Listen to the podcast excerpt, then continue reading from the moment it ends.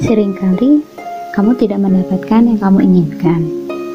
Bukan karena kamu tidak layak mendapatkannya, tapi karena kamu berhak mendapatkan yang lebih baik.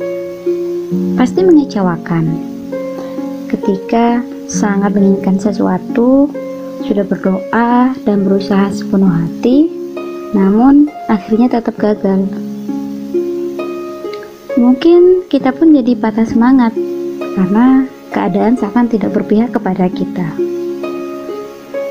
Mungkin kita jadi berpikir, apakah aku tidak berhak bahagia?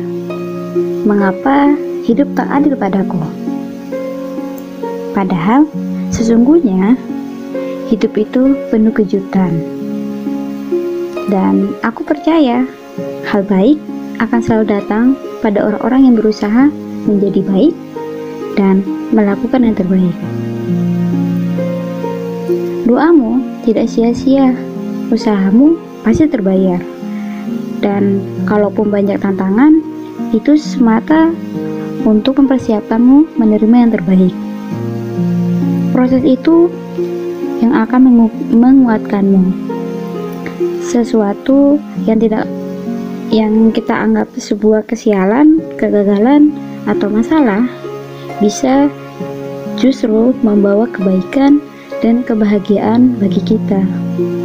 Demikian, eh demikian pula sebaiknya. Banyak hal yang gak kita ketahui dalam hidup ini.